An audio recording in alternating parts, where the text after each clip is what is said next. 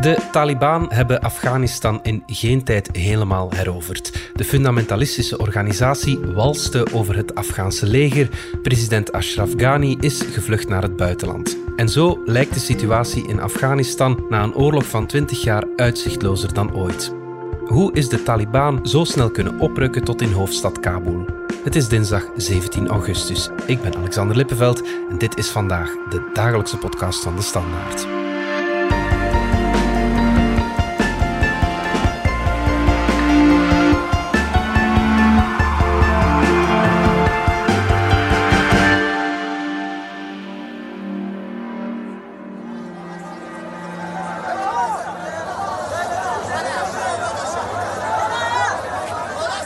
Corrie Hanke, buitenlandjournaliste. Nu Kabul gevallen is, proberen veel Afghanen weg te geraken uit het land. De beelden die sinds zondag circuleren zijn hallucinant. Op de luchthaven is de chaos compleet en er zouden zelfs doden gevallen zijn. Hoe groot is de paniek? De paniek is enorm. Enfin, eh, gisteren Kabul stond stil.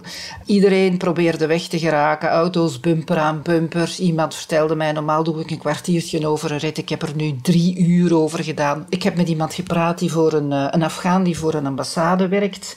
Die heeft zes uur voor de Franse ambassade gestaan in de hoop dat hij geëvacueerd kon worden. Ja.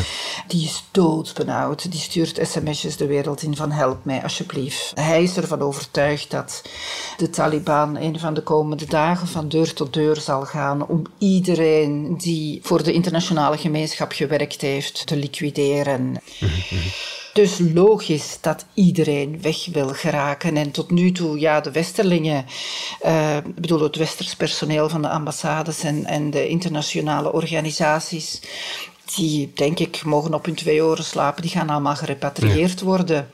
Uh, zowat in heel veel Europese landen wordt er nu gebakkeleid over hoeveel Afghanen gaan wij binnenpakken. En hier bij ons is dat politiek een heel delicaat thema. Mm Enfin, ik, ik, snap heel goed, uh, als je alle verhalen hoort die verteld worden over de Taliban, snap ik heel goed dat veel mensen zo snel mogelijk weg willen ja, gaan. Natuurlijk. Op die verhalen komen we nog terug, maar eerst over het ja, ongelooflijke tempo van hun herovering. Een paar weken geleden controleerden de Taliban een relatief klein deel van Afghanistan. Nu hebben ze de controle over het hele land. Het is bijzonder snel gegaan. Hè? Zelfs de mensen van het Pentagon blijkbaar gingen ervan uit dat de Taliban anderhalf jaar nodig zouden hebben om Kabul te bereiken. Um, het is dus op een paar maanden gebeurd. Hè?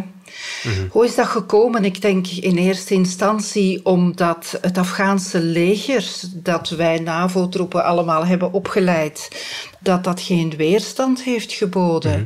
De verhalen zijn legio van soldaten die een uniform hebben uitgetrokken, gewoon zich onder de burgerbevolking hebben gemengd, maar die ook de volledige wapenarsenalen hebben achtergelaten. Ik heb beelden gezien van Talibanen die naast Amerikaanse helikopters staan. Vraag is of ze mhm. daarmee kunnen vliegen. Maar swat, zij hebben ineens ook bij elke verovering die zij maakten, konden zij meer wapens buitmaken. Dus dat is één. En ook bij de bevolking hoor ik zeggen, zijn nogal wat stamoudsten die ervoor gekozen hebben om de kant van de Taliban te kiezen. Dus ook bij de bevolking mhm.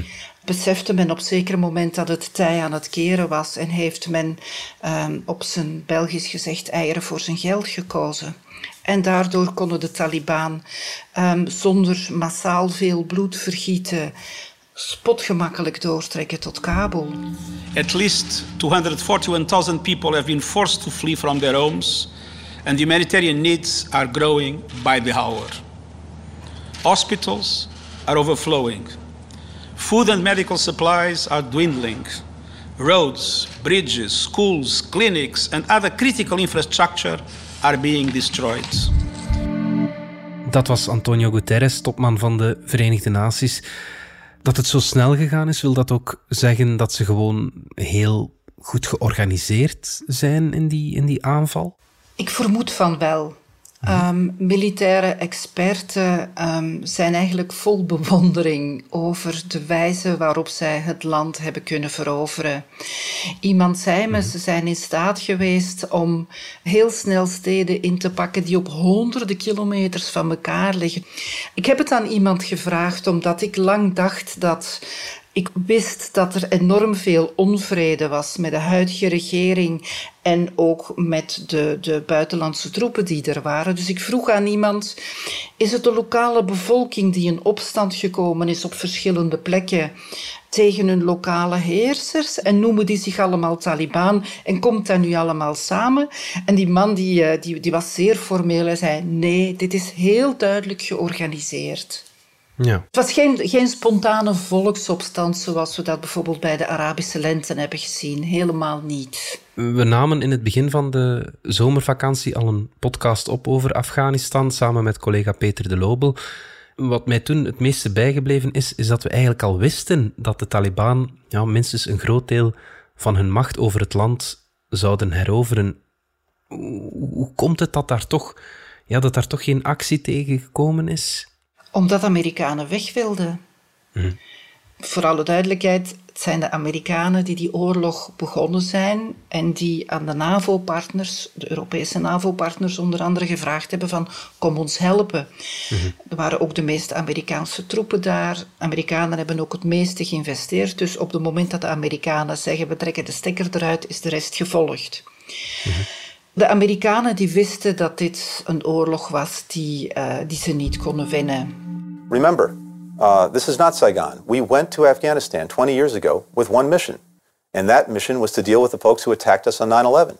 And we have succeeded in that mission. The objective that we set, bringing uh, those who attacked us to justice, uh, making sure that they couldn't attack us again from Afghanistan, we've succeeded in that mission. Uh, and in fact, we succeeded a while ago. Uh, and at the same time, remaining in Afghanistan um, for another one, five, ten years is not in the national interest. Dat was Anthony Blinken, minister van Buitenlandse Zaken in de regering van president Biden. Veel duidelijker kan hij niet zijn, hè, Corrie? Eigenlijk, Trump is de eerste die zei: we stoppen ermee, punt. Ja. Ik weet niet of hij dat zei omdat hij dacht dat dit voor Afghanistan en de oorlog het beste was, maar hij besefte wel dat hij daar op het thuisfront heel veel kiezers eh, mee kon halen. Hij brak met alle conventies op zoveel gebieden, dus hij heeft dat ook met Afghanistan gedaan. Ehm, en eigenlijk heeft hij de weg geplaveid voor Joe Biden, die gewoon dan maar het beleid van zijn voorganger of de uitspraken van zijn voorganger in daden moest omzetten.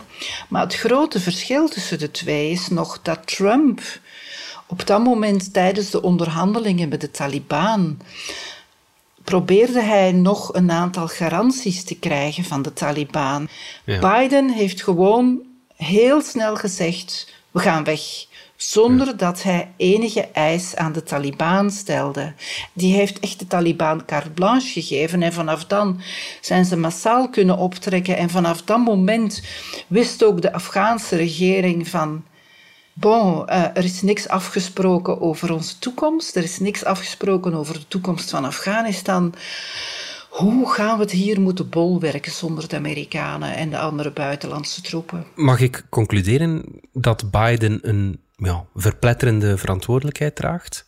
Uh, ja, enfin, verpletterende verantwoordelijkheid. Uh, hij trekt de troepen terug en hij laat alle hoogopgeleide mensen of mensen die hoopten op een andere toekomst, laat hij uh, gewoon in de steek. Mm. Dus ik zou niet graag in zijn schoenen staan. Maar het was een oorlog zonder einde. Dus ja, iemand moest wel die beslissing nemen. Mm. Wat is volgens jou de oorzaak van het falen van de westerse interventie? Dat is niet gelukt volgens mij en volgens veel analisten, om, omdat wij um, Afghanistan altijd vanuit, vanuit het vizier van het geweer bekeken hebben. Wij, wij zagen uh, elke Afghaan, elke dorpeling, dat was een potentiële vijand. Dus wij behandelde die ook zo. Dat wil zeggen dat wij volledig gewapend met x aantal troepen en bescherming en zo gingen, wij, gingen wij, enfin, de soldaten, uh, de dorpen in. En mhm. dan, wij gingen dan zo, wij, de NAVO-troepen, gingen dan wel zorgen voor de wederopbouw in die dorpen, maar mm dat waren dezelfde militaire uniformen die nu aan de dorpelingen kwamen zeggen: Hallo, wij komen met jullie waterputten opbouwen. Terwijl een aantal maanden tevoren militairen daar al schietend in die dorpen zijn binnengekomen en op sommige plekken verschrikkelijke mensenrechten schendingen hebben gedaan. Dus er was sowieso al enorm veel wantrouwen bij de lokale bevolking tegen, tegen die buitenlandse militairen die daar waren. En, en, en er was ook een immens cultuurverschil. Wij, zijn gewoon nooit op dezelfde lijn gekomen.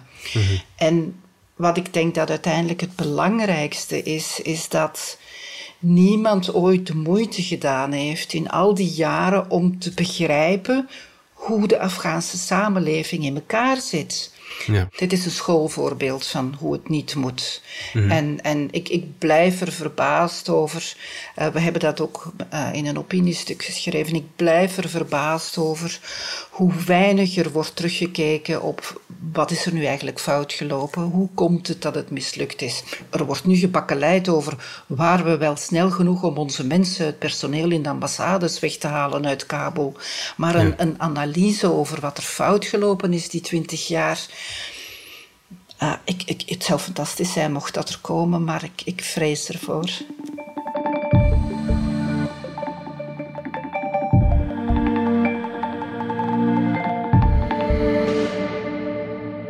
Angst voor de Taliban is bijzonder groot in Afghanistan zelf, maar ook daarbuiten. Je hebt het land verschillende keren bezocht.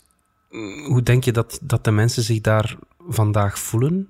Ik ga iets uh, raars zeggen. Mhm. Ik vrees dat heel veel mensen niet kwaad zijn dat de Taliban komt. Mhm. En bij heel veel mensen bedoel ik mensen op het platteland die, laat ons eerlijk zijn, heel conservatief zijn. Waar de vrouwen nooit onder de burka zijn gekomen in die twintig jaar. Mhm. Waar de vrouwen hun boerderijen niet mochten verlaten van hun mannen. De Taliban gaat die, rechtsorde is niet het juiste woord, gaat die maatschappelijke orde terug herstellen. Wat de Taliban gaat doen, gaat aansluiten bij wat veel conservatieve Afghanen denken. Ja. Daarnaast uh, zijn er wel heel veel opgeleide vrouwen, jonge meisjes, opgeleide jongens, uh, wiens toekomst nu op het spel staat. Mm En voor hen is het verschrikkelijk wat er gaat gebeuren. Maar overal op de 4 miljoen inwoners denk ik, is dat een kleine minderheid. Ja. Iemand zei me gisteren die heel goed voelt hoe het leeft in Afghanistan. Die zei me, 90% van de mannen gaan tevreden zijn, 60% van de vrouwen. Mhm. Bij de Taliban wordt het duidelijk wat mag en wat niet kan. Dat gaat een rechtsorde zijn die wij verschrikkelijk vinden. Ja. Daar ben ik het volledig mee eens. Die gaat gestoeid zijn op islamistische race en in worst case Enfin, het verschrikkelijke zal misschien zijn dat er vrouwen, mannen gestenigd gaan worden, handen afgehakt gaan worden. Ik, ga dat, ik vind dat verschrikkelijk. Ja. Laat dat duidelijk zijn.